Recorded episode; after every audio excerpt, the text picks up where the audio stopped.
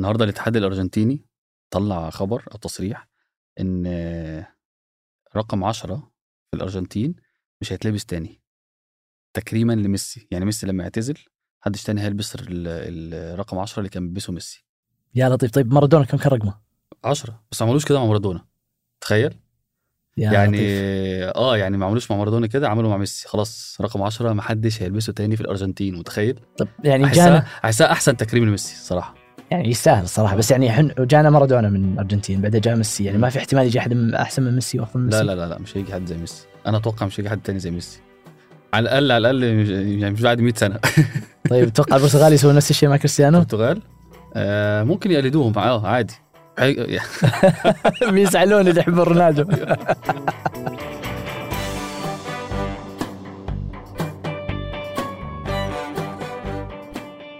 ده بودكاست الفجر من ثمانية بودكاست فجر كل يوم نسرد لكم فيه سياق الأخبار اللي تهمكم معكم أنا شهاب سمير وأنا ريان دعفس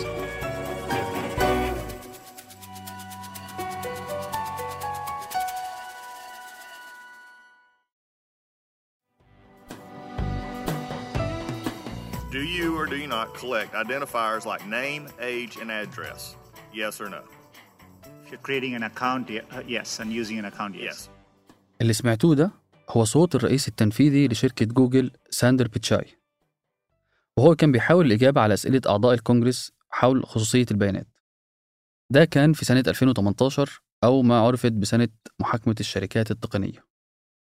لو كنتم متابعين للأخبار التقنية هتلاقوا إن خلال الخمس سنين اللي فاتت كان في هناك عدة قضايا مرفوعة على الشركات التقنية سواء في أمريكا أو دول الاتحاد الأوروبي. والقضايا دي كانت بتحركها دوافع زي حماية خصوصية بيانات المستخدمين أو مكافحة الاحتكار أو الخوف على الديمقراطية. وبحكم إن الشركات التقنية بقت نافذة في حياة كل الناس فأصبحت الحكومات بتخاف إن تستغل الشركات دي نفوذها وتتحكم في الأسواق أو الاقتصاد أو حتى الانتخابات وأصوات الناخبين. الخوف ده خلق لنا مصطلح اسمه بيج تك أو شركات التقنية العملاقة. ده مصطلح ببساطة بيرمز لشركات التقنية الكبرى اللي زي جوجل، أمازون، فيسبوك، أبل ومايكروسوفت. وكل الشركات دي اتعرضت لقضايا سواء كانت داخل أمريكا أو أوروبا، وكان الهدف منها الحد من هيمنتها. بل إن هناك دعوات كتيرة لتقسيم الشركات دي وتفكيكها لشركات أصغر. وعلى ذكر القضايا فاحنا منتظرين قضية جديدة ربما تكون هي عنوان العام 2024 القضية دي تتعلق بقطاع الخدمات في شركة أبل طب إيه هو الموضوع؟ الموضوع إن في تقرير نشرته فاينانشال تايمز وقالت إن قطاع الخدمات في ابل هيواجه تدقيق قضائي خلال الشهور اللي جاية وأشارت الصحيفة إلى إن القضية دي هتكون بالتوازي في أمريكا وأوروبا وفي المقابل رفضت ابل التعليق على التقرير وكان في قضية تانية منفصلة كانت مرفوعة على شركة جوجل برضو لكنها بتشكل أزمة لأبل فجوجل بتواجه أكبر محاكمة احتكار من 25 سنة وفيها عدة قضايا كتير على جوجل لكن اللي يهمنا دلوقتي هو علاقتها بشركة أبل. واحدة من القضايا دي كانت بتتعلق باتفاقية ما بين جوجل وأبل واللي كانت بتخلي محرك البحث في جوجل افتراضيا في أجهزة أبل. لحد دلوقتي القضية ما اتحكمش فيها لكن لو خسرت جوجل قضية معنى كده إن أبل هتفقد عدة مليارات سنويا كانت بتدفعها جوجل لشركة أبل واللي بتعادل ربع الإيرادات السنوية اللي بيحققها قطاع الخدمات في الشركة. ودي مش آخر المصايب اللي حصلت في قطاع الخدمات في أبل. ففي أوروبا في هناك قوانين جديدة. استكمالا لتطبيق ترسانته التشريعية لضبط الفضاء الإلكتروني بات قانون الخدمات الرقمية للاتحاد الأوروبي قيد التنفيذ.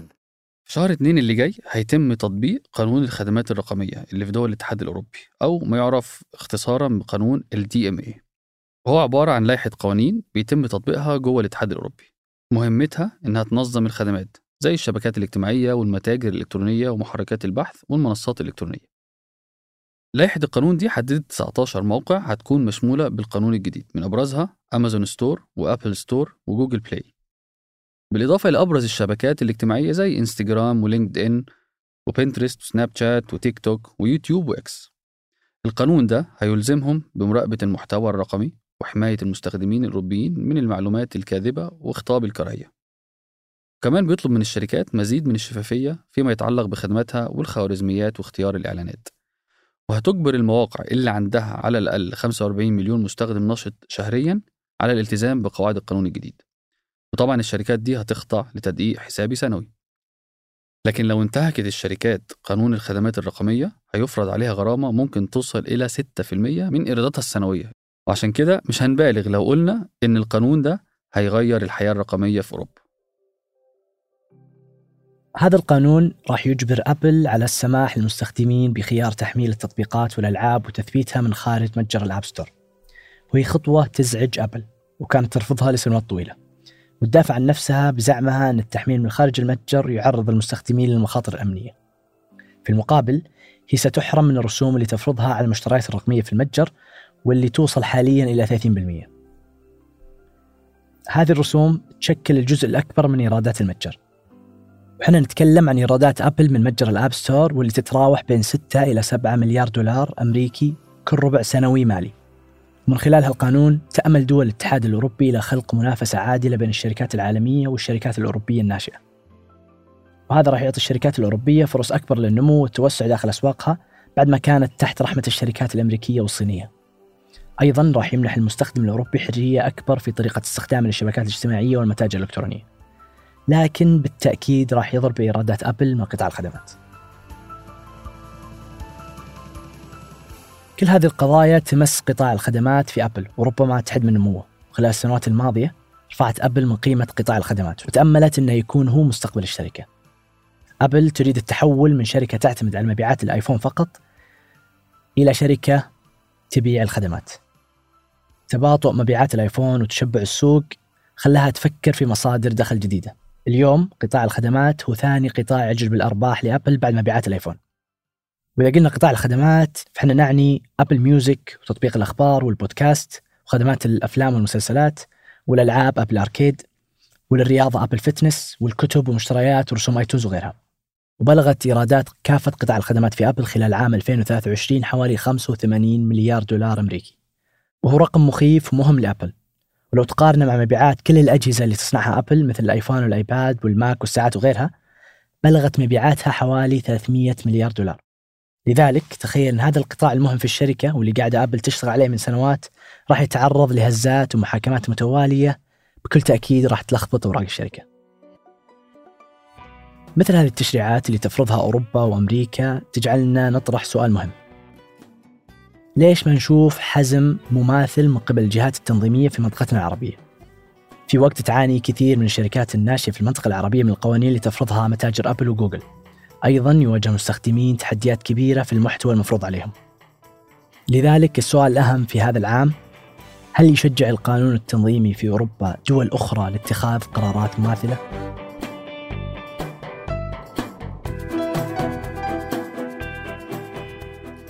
وقبل ما ننهي الحلقة دي أخبار على السريع. بحسب الأرقام اللي أعلنتها وزارة السياحة السعودية سجل إنفاق الزوار القادمين إلى السعودية مستوى قياسي تجاوز ال 100 مليار ريال حتى نهاية الربع الثالث من 2023 ومقارنة مع إنفاق الزوار القادمين إلى المملكة خلال الفترة نفسها من 2022 بلغ نحو 67.3 مليار ريال. الأرقام دي بتعني إن هناك ارتفاع بنسبة 53% على أساس سنوي.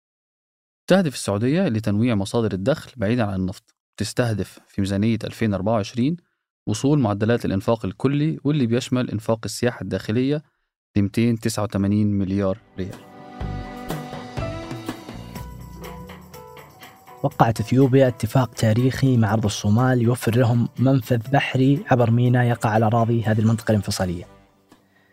وقال مكتب رئيس الوزراء الإثيوبي إن الاتفاق سيفتح الطريق أمام تحقيق تطلع إثيوبيا إلى تأمين وصولها إلى البحر وتنويع وصولها إلى الموانئ البحرية.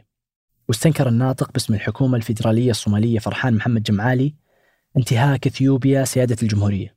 ودعا البيان كل من الأمم المتحدة وجامعة الدول العربية ومنظمة التعاون الإسلامي والاتحاد الأوروبي إلى اجتماع طارئ بشأن التدخل السافر اللي تقوم به دوله إثيوبيا الفيدرالية ضد جمهورية الصومال الفيدرالية. أعلنت الهيئة العامة للعقار عن بدءها بحصر التعامل المالي المرتبط بعمليات دفع الإيجار من خلال القنوات الرقمية في إيجار ابتداء من 15 يناير. وأوضحت الهيئة أن حصر الدفع عبر القنوات الرقمية في إيجار بيشمل كل عقود الإيجار السكنية الجديدة. وأكدت الهيئة أن الخطوة دي هتبدأ بتوثيق المؤجر والمستأجر للعقد في إيجار عبر وسيط عقاري مرخص من الهيئة ثم البدء باستخدام قنوات الدفع الرقمية في إيجار لإجراء عمليات الدفع وممكن توصل الدفعة الإيجارية. بعد دفعها عبر القنوات الرقمية في إيجار للحساب البنكي للمؤجر المسجل في عقد الإيجار خلال خمس أيام عمل.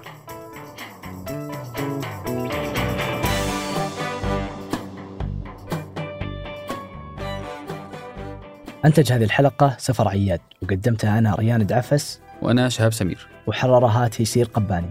نشوفكم بكرة الفجر.